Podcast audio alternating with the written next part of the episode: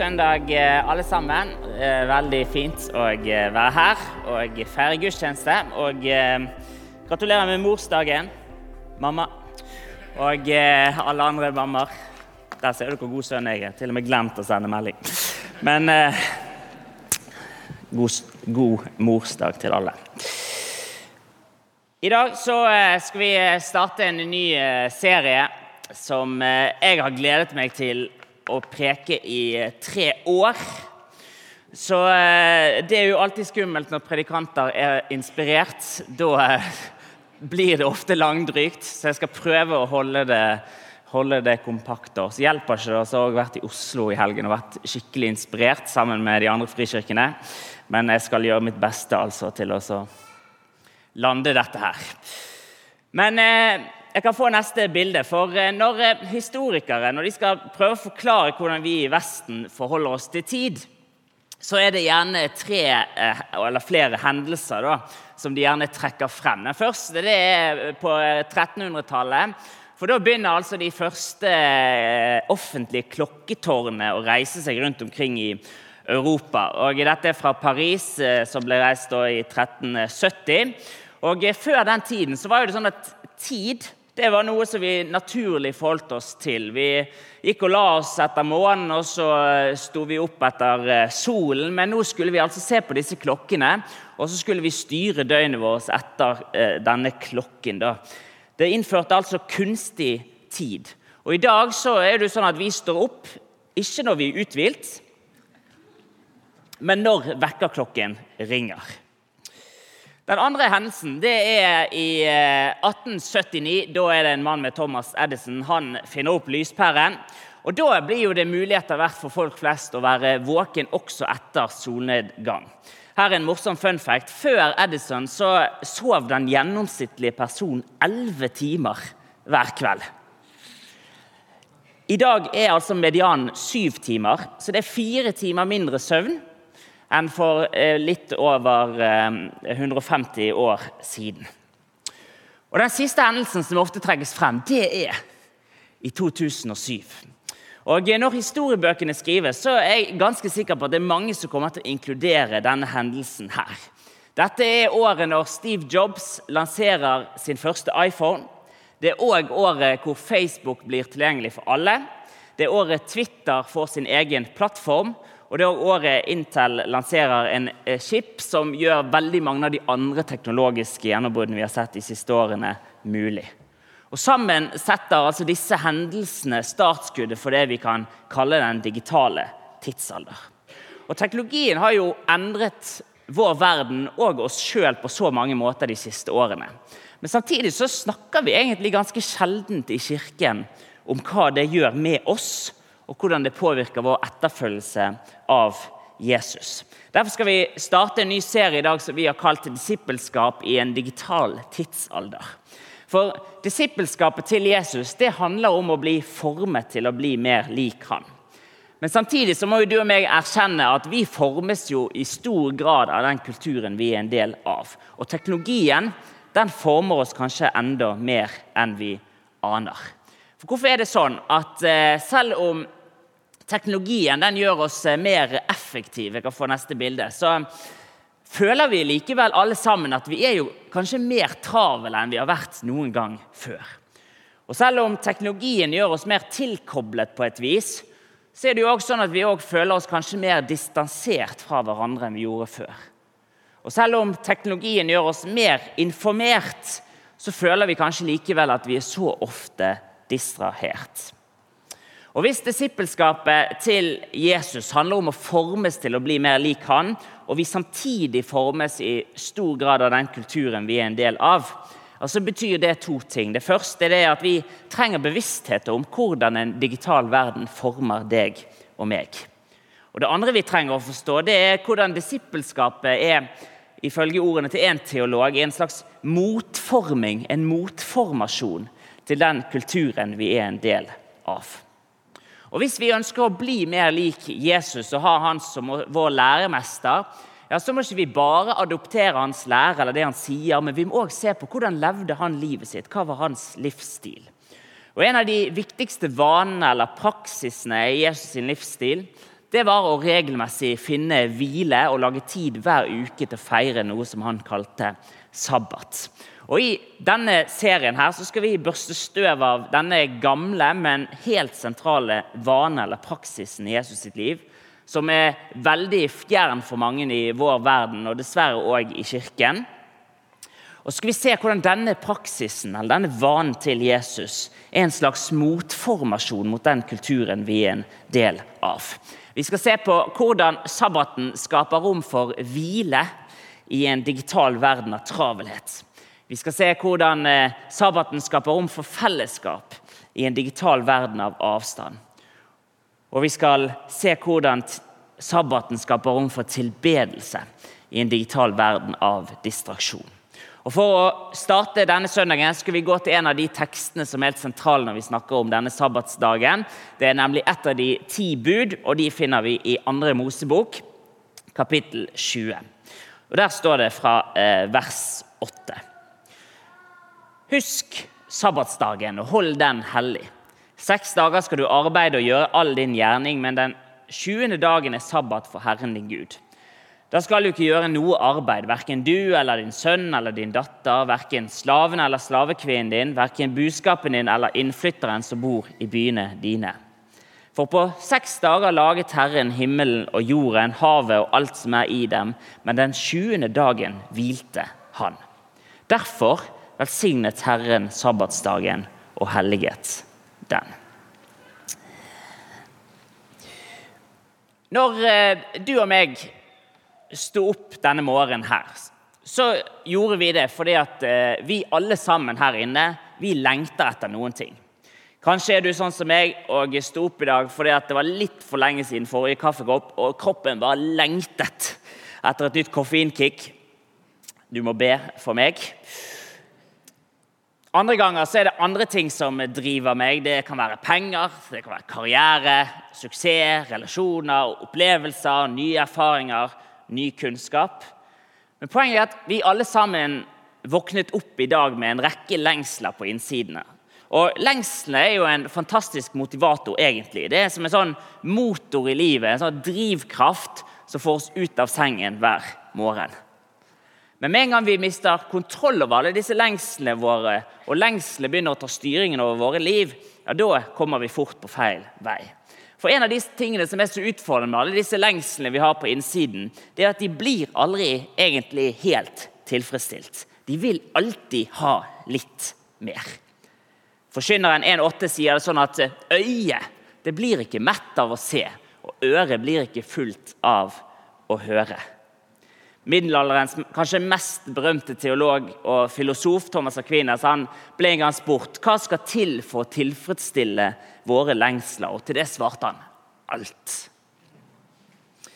For lengslene våre er på mange måter helt uten begrensninger. Vi vil jo alltid ha litt til.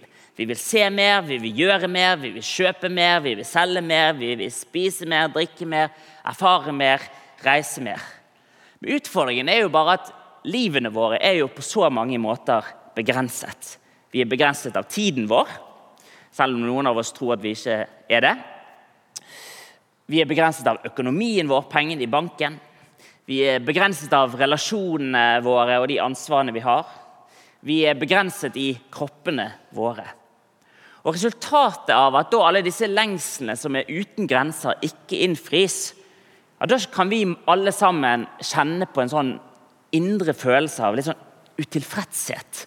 En sånn dyp følelse av rastløshet fra tid til annen. Og alt det blir på en måte forsterket i en digital tidsalder. For teknologien og algoritmene og markedsføringen er alt egentlig skrudd sammen for oss å tjene penger på vår rastløshet. Og Uten at vi tenker stort over det, så hives det bensin på bålet for å vekke til live denne lengselen etter enda mer. Og Sosiale medier løfter jo bare dette til et enda nytt nivå. For døgnet rundt så får vi bilder av rike og velstående kjendiser, venner, familie, som minner oss på alt det som vi ikke er, og alt det som vi ikke har. Enten det skulle være penger eller relasjoner eller ferier eller kropper eller status.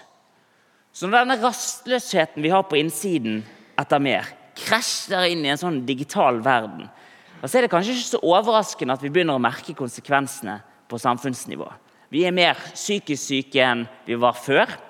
Og våre åndelige liv er mer fattige enn de var før. Så spørsmålet blir jo da, for ikke liksom bare grave oss helt ned i grøften her på en søndagsmorgen Hva gjør vi med denne iboende rastløsheten? Jo, I den kristne tradisjonen så har man følgende forklaringsmodell. At Lengslene våre de er uendelige av en grunn, fordi at vi var skapt til å leve evig med Gud i hans verden. Og Derfor så er det ingenting i denne begrensede verden som kan tilfredsstille våre dypeste behov. Og Da er vårt eneste behov å rette denne, eh, disse lengslene, denne rastløsheten, tilbake til Gud. Han som er den eneste som virkelig kan møte våre lengsler på dypet. Augustin sa det sånn i et kjent sitat at du har skapt oss for deg selv, og vårt hjerte det er rastløst inntil det finner hvile i deg. Og Spørsmålet da, for oss som ønsker å følge Jesus og ha han som læremester i våre liv Finnes det noe fra Jesus sitt liv og hans undervisning som kan hjelpe oss å adressere den iboende rastløsheten og hjelpe oss å reorientere vår lengsel i retning av Gud. Og Det fins mange ting, selvfølgelig, men kanskje øverst på den listen ligger sabbaten. Ordet sabbat det kommer fra hebraisk. Det betyr ganske enkelt å stanse. Og Sabbaten er en dag for oss å stanse fra arbeidet, ja, men det er òg en arbeid for å stanse fra denne, dette jaget, disse lengslene, disse bekymringene, det her jaget vi har, at vi må alltid ha litt mer. Og selv om sabbaten er på en måte vanligvis en dag eh, som feires en dag i uken, så er det jo òg mye mer enn bare en dag. Det er en måte å være på i denne verden. Walter Brugman han skriver i sin bok om sabbaten at mennesker som holder sabbaten, de lever alle syv dager annerledes. De lever med marginer i en verden av travelhet, stillhet i en verden av støy, relasjoner i en verden av isolasjon, klarhet i en verden av forvirring, tillit i en verden av bekymring, takknemlighet i en verden av grådighet, fred i en verden av angst og uro. Og Skal man leve sånn, så er jo ikke det noe som kommer av seg sjøl. Kanskje er det derfor forfatteren har i brevbrevet når han skriver om sabbatshvilen, så sier han la oss derfor ivre etter å komme inn til denne hvilen. Det høres jo ut som en motsetning. Men skal vi lage rom for en sånn væremåte i verden, ja, så krever det faktisk litt intensjon. Det er ikke noe som kommer av seg sjøl. For som vi straks skal se i teksten vi leser fra i dag, så er det så mange krefter i denne verden her, og er vi ærlige òg i oss sjøl, som vil dra oss en annen vei. Og Skal vi komme inn til den friheten og til den hvilen som Jesus inviterer oss til, ja, så krever det faktisk at vi gjør litt motstand. Motstand mot en kultur som aldri får helt nok. Dagens tekst den er hentet fra 2. Mosebok kapittel 20. og eh, En professor i, i Det gamle testamentet, Patrick Miller, han beskriver dette fjerde budet om sabbatsdagen som en slags bro som binder sammen de ti bud. Han skriver det her at eh, det fjerde budet ser tilbake på de tre første budene, som handler om Gud som hviler, Samtidig som budet om sabbatsdagen ser fremover mot de siste seks budene som omhandler hvile sammen med de neste. Det er altså som en bro som binder sammen hvem Gud er. De tre første budene, hans posisjon, hans karakter og hans navn. Med hvordan du og meg skal leve i relasjon med vår neste. De tre første budene handler om Gud, mens de seks siste handler om vår neste. Og Walter Brugman skriver i denne boken sin om sabbaten at eh, skal vi forstå hvem denne guden er, ja, så må vi forstå det narrativet eller den fortellingen han er en del av. I verset før eh, de ti bud så kan vi lese at eh, Gud sier dette. At 'jeg er Herren i Gud, som førte deg ut av Egypt, ut av slavehuset'. Budene plasseres altså inn i en kontekst, inn i et narrativ. En fortelling om hvordan Gud fridde sitt folk ut fra slaveriet i Egypt. Og Det gir igjen mening og kontekst til budene Gud gir. Så når Gud sier at du skal ikke ha andre guder enn meg, altså er ikke det bare et sånt generelt forbud mot andre guder, men det er en spesifikk henvisning til farao og hans guder i Egypt. Og Det disse gudene i Egypt, faraos guder, hadde til felles, det var at de var alle sammen altoppslukende guder som krevde produksjon uten ende, og som legitimerte systemer som i prinsippet var umettelige. Og Resultatet var jo da et system bygd på slaveri, der kravene var endeløse. Det var mer og mer produksjon. Vi skulle ha større og større overskudd og resultat. Så det fantes ikke noe rom for oss å hvile i et sånt system. Iallfall ikke hvis du var slave. Og Det er inn i det narrativet at Gud gjør seg kjent. Gud sier dette her, 2. Mosebok 3, at 'jeg har sett mitt folks nød i Egypt og hørt skrikene deres under slavedriverne'. Jeg kjenner deres smerte. Jeg har steget ned for å fri dem ut av hendene på egypterne og føre dem opp fra dette landet og inn i et godt og vidstrakt land. Og Leser vi versene og kapitlene videre i 2. Mosebok, så kan vi se hvordan Gud kaller en mann som heter Moses. Han skal lede folket ut fra slaveriet i Egypt. Og så kan vi se hvordan Gud på mirakuløst vis gjør nettopp det.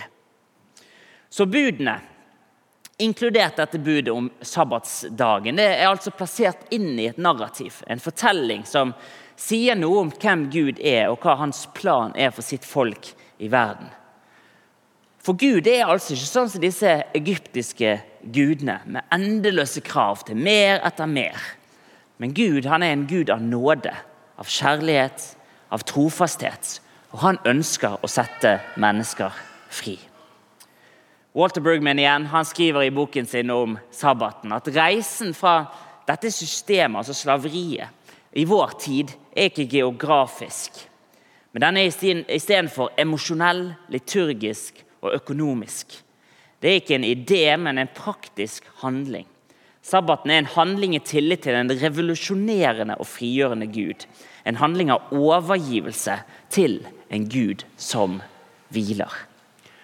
Og Skal vi stole på at Guds bud er til vårt beste, ja, da er det altså avgjørende hvem det er vi tror Gud er. Etter at Gud har eh, fridd ut israelsfolket fra slaveri i Egypt, så er de nå ved Sinai-fjellet i Sinai-ørkenen.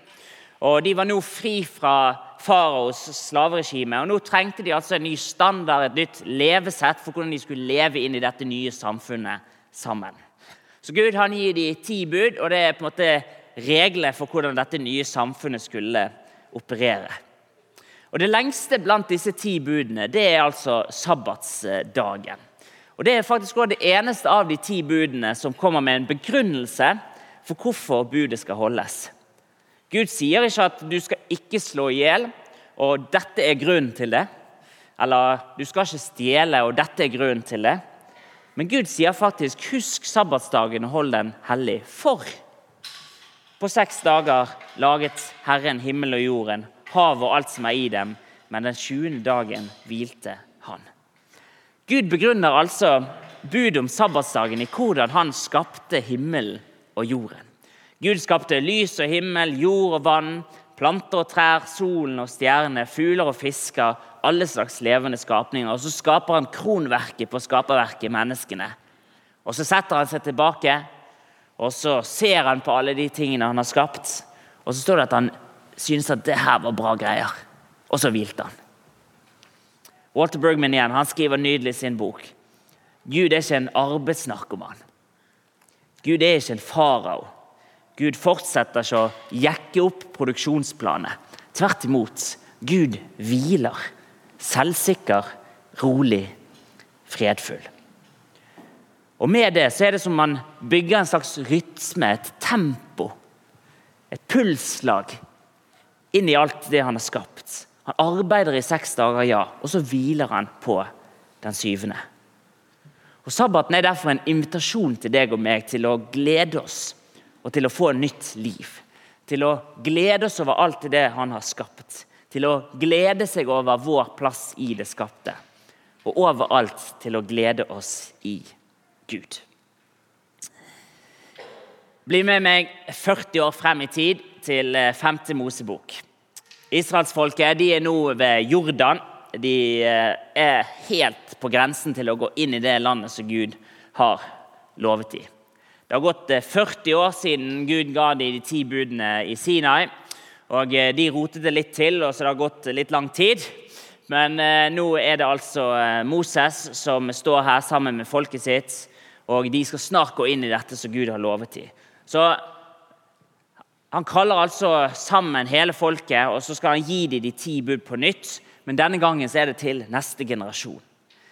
Flere av dem var kanskje ikke født når de var ved Sinafjellet den gangen for 40 år siden. Eller så er de kanskje for unge til å huske hva som skjedde. Så nå ser Moses seg nødt til å gi folk en liten oppfriskning før de skal gå inn i det som Gud har lovet dem. Men når vi leser disse ti budene i den andre utgaven, om vi kan kalle det det, så legger vi merke til at her er det faktisk gjort noen endringer. Den første endringen den eh, er ikke så veldig stor, men eh, Gud sier dette at du skal gi akt på sabbatsdagen og holde den hellig, slik Herren i Gud har befalt deg. La merke til at det første ordet her er endret. Der Gud ved Sinai instruerte folket til å huske, gir han dem nå en instruksjon om å gi akt. En forfatter jeg leste, forklarte det sånn at å huske at julaften er 24. desember, det er én ting. Men å gi akt på julaften er noe annet. Ja, da teller vi ned dagene, da planlegger vi forveien, da forbereder vi oss. Da gjør vi det vi kan for å gjøre dagen spesiell. Da venter vi i spenning. Og Litt på samme måte er det med sabbatsdagen. Vi gir akt på den. Den andre endringen derimot, den er litt mer signifikant. Gud sier at seks dager skal du arbeide og gjøre all din gjerning, men den 20. dagen er sabbat for Herren i Gud. Da skal du ikke gjøre noe arbeid, verken du eller din sønn eller din datter, Verken din slave eller din slavekvinne, verken oksen eller eselet eller noe annet av dyrene dine, eller innflytteren som bor i byene dine. Til, der er det likt, men så legges dette til. Slik at slaven og slavekvinnen skal få hvile, de som du. Brugman han beskriver sabbaten som den store dagen av likhet, når alle er lik i hvile. For vi er ikke like alle sammen i hva vi produserer. Noen har forutsetninger for å være mer effektive enn andre. Og alle er ikke like i hva man konsumerer. Noen har muligheter til større forbruk enn andre. Og I et kapitalistisk samfunn der det er tilbud og etterspørsel som gjelder, der prestasjonene våre er hva som gjør oss verdifulle og av betydning, ja, så har vi alle sammen en tendens til å sammenligne oss og rangere oss sjøl og andre. Men sabbaten bryter på en måte denne sammenligningen og rangeringen. På denne dagen så trenger ikke vi å gjøre mer, selge mer, kontrollere mer, være yngre, trene mer, være mer suksessfull, være mer kunnskapsrik. For på denne ene dagen så brytes mønsteret. Vi står alle sammen likt. Av lik verdi, av lik betydning, av lik hvile. Og Det leder meg inn på siste, den siste endringen, kanskje den største endringen. For Gud sier at husk at du selv var slave i Egypt da Herren din Gud førte deg ut derfra med sterk hånd og utstrakt arm. Derfor har Herren din Gud befalt deg å holde sabbatsdagen. Og Det er interessant, for i andre Mosebok så begrunnes sabbaten i Guds skapelse, men nå er rasjonalet endret. Nå begrunnes det i hvordan Gud utfridde israelsfolket fra slaveri i Egypt. For dette må vi huske, var jo første generasjon som skulle vokse opp i frihet. Foreldrene var slaver, besteforeldrene var slaver, oldeforeldre var slaver. De var slaver til et regime som misbrukte mennesker. Slaver til et rike med så stor appetitt at vi kan lese at de bygde egne byer bare for å lagre overskuddet. Slaver til et rike drevet av begjæret etter mer. Så Moses sier til folket at nå må dere Huske hvor dere kommer fra. For Hvis dere glemmer det, ja, så kommer dette gamle systemet, gamle måten å gjøre det på, alltid til å finne veien tilbake til dere. Og Skal vi være helt ærlige, så er det jo nok mye av faraos Egypt som òg lever den dag i dag. For vi lever i en kultur som alltid vil ha mer. Vi skal ha mer mat, mer drikke, mer klær, mer dippedutter, mer kvadratmeter, mer erfaringer, mer penger, mer karriere, mer status. Og På samme måte da, som i faraos Egypt så er nok òg mye av vår velstand i Vesten, selv om vi ikke liker å verken innse det eller innrømme det, bygd på undertrykkelse av fattige. Kanskje ikke det er tilfeldig da at når jeg gikk på Handelshøyskolen og økonomene der skulle forklare hvordan rikdommen i verden er fordelt, ja, så tegner de nettopp en pyramide. Der 10% av verdens innbyggere eier 85% av verdens rikdom. Og der 90 av innbyggerne på denne kloden deler på de siste 15 Så hva har det med sabbaten å gjøre? Jo, Walter Brugman, som jeg har sitert så mye i dag at han burde få penger av meg. Han kaller sabbaten som en handling av motstand. Motstand mot en kultur som aldri får nok. Motstand mot et system som alltid vil ha mer. Motstand mot en tanke som sier at hadde jeg bare hatt det, ja, da ville jeg vært lykkelig. Men det er en praksis, en vane, som hjelper oss å bryte vår avhengighet til å alltid skulle prestere og alltid samle mer. For vi har nesten helt sikkert alle i dette rommet, vil jeg tro, nok. Og det vi egentlig trenger, det er tid. Tid til et eh, måltid med venner. Tid til familie. Tid til en tur i skogen. Tid til å senke tempoet lenge nok til at vi klarer faktisk å nyte livet med Gud og med hverandre. Ron Rollheiser skriver i en av sine bøker så mye av vår ulykkelighet kommer fra å sammenligne våre liv, våre vennskap, vår kjærlighet, våre forpliktelser, våre ansvar, våre kropper og vår seksualitet til en idealisert og ikke-kristen visjon som forsikrer oss om at det finnes himmel på jord. Og Når det skjer, og det gjør det, begynner våre indre spenninger å gjøre oss gal. I dette tilfellet til en rastløshet som sprer seg som kreft. Ekte tilfredshet derimot er en form for oppmerksomhet. En måte å være på i livet. Det å leve i det hverdagslige livet med en følelse av letthet, takknemlighet, verdsettelse, fred og bønn. Vi er i hvile når hverdagens liv er nok. Så hva vil vi ha? Vil vi ha faraos system av konkurranse og mer og mer prestasjon, der vi alltid vil ha mer, men aldri få nok? Eller vi, vi følger Jesus på en vei til en hvile der hverdagens liv faktisk holder. Sabbaten det er altså en dag i tillit til en Gud som hviler. Det er en dag hvor vi gir oss til rytmen i alt det skapte av arbeid og hvile. Og det er en dag hvor vi gjør motstand mot en kultur som aldri blir mett, og som aldri får nok. Så hva gjør vi med alt dette? Jo, sabbaten, som vi skal snakke om litt de neste ukene her, det er altså et døgn. Det har eh, ofte fire elementer. Det er et døgn hvor vi stanser opp, ganske enkelt. Og så anerkjenner vi at dette er rytmene Gud har skapt oss med. Det er et døgn hvor vi finner hvile. Ikke bare en middagslur, men òg dette hvile fra jaget til å alltid skulle prestere eller få mer. Det er et døgn for fellesskap, hvor vi feirer livet sammen med Gud og med hverandre. Og så er det et døgn for tilbedelse, en dag som er satt til side for Gud sjøl. I dag så har jeg prøvd å si noe om det å stanse og hvile i en uh, verden av travelhet. Neste uke skal Chris uh, snakke om fellesskap i en verden av avstand. Og til slutt så skal Tor Erling snakke om tilbedelse i en verden av distraksjon. Men utfordringen min til deg i dag den er ganske enkel.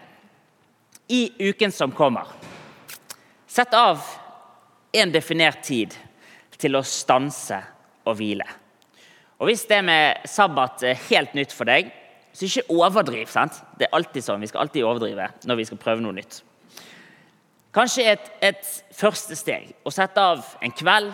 Hvis en hel kveld er litt vanskelig, sett av noen timer i uken som kommer til å legge bort telefonen, til å logge av jobb-PC-en, til å skru av TV-en, eller hva det enn du føler at du må gjøre for å markere for deg sjøl og for Gud. At nå setter du en strek her. Nå har jeg gjort nok. Nok er nok. Nok arbeid. Nok samling. Nok prestasjon. Og da tror jeg at etter hvert så kommer du til å kjenne at denne lengselen på innsiden etter mer, etter å aldri ha nok og få nok, hva enn det betyr for deg, den vil stilne. Og Da kan du begynne å rette din lengsel i retning av Gud, han som er den eneste som kan bære den. Å være en disippel av Jesus det handler altså om å formes til å bli mer lik han. Samtidig så formes vi av den kulturen som vi er en del av. Og Det å følge etter Jesus det er derfor en slags motformasjon, en reforming, til den kulturen vi er en del av. Da må ikke vi bare se på hva Jesus sa, men også hva han gjorde. For Vil vi erfare det livet han ønsker å gi oss, så må vi òg adoptere hans livsstil. Men her er greien. At Gud han leder ikke deg og meg som vår læremester med krav og med regler. Og Hvis det er det du har hørt i dag, så um, har jeg gjort en dårlig jobb i å formidle hva dette egentlig handler om. For han setter bare et eksempel, og så inviterer han deg og meg til å følge etter han. For han er veien, han er sannheten og livet. Og når vi følger etter Jesus på den veien, så oppdager vi mer av sannheten. Sannheten om hvem han er, om hvem vi er, hva det gode livet er. Og når vi oppdager den sannheten, ja, så vil vi òg oppdage mer av det livet han inviterer oss til. Amen. Skal vi be en bønn?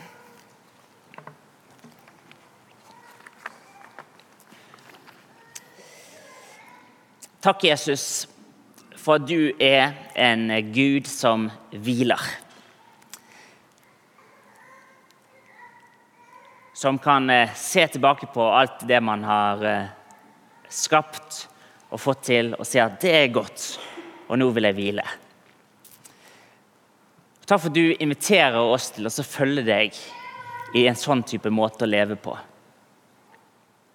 Så jeg har lyst til å be om i disse neste ukene her For de som kanskje tenker at det her var nytt eller fremmed, så har jeg lyst til å be om at du må skape en sånn lengsel etter å gjøre noe med dette. Til å komme noen steg nærmere den hvilen som du ønsker å invitere oss til. Om det er bare noen timer i uken, så er det en sted å starte.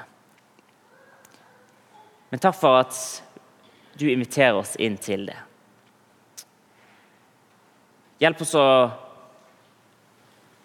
si og sette noen grenser og dytte litt tilbake i den kulturen vi er en del av, som alltid skal ha mer. og Ingen grenser for hva vi skal få til, og hva vi skal gjøre, og hva vi skal eie og hva vi skal få til. Men hjelp oss å sette en strek og si at nok er nok. Nå ønsker jeg også å hvile fra mitt arbeid og gå inn i den hvilen som du har for meg. Så jeg ber om hjelp til at vi kan alle sammen få lov til å erfare noe av det livet de neste ukene når vi går inn i dette temaet sammen. Det ber vi om, Herre, i ditt navn. Amen.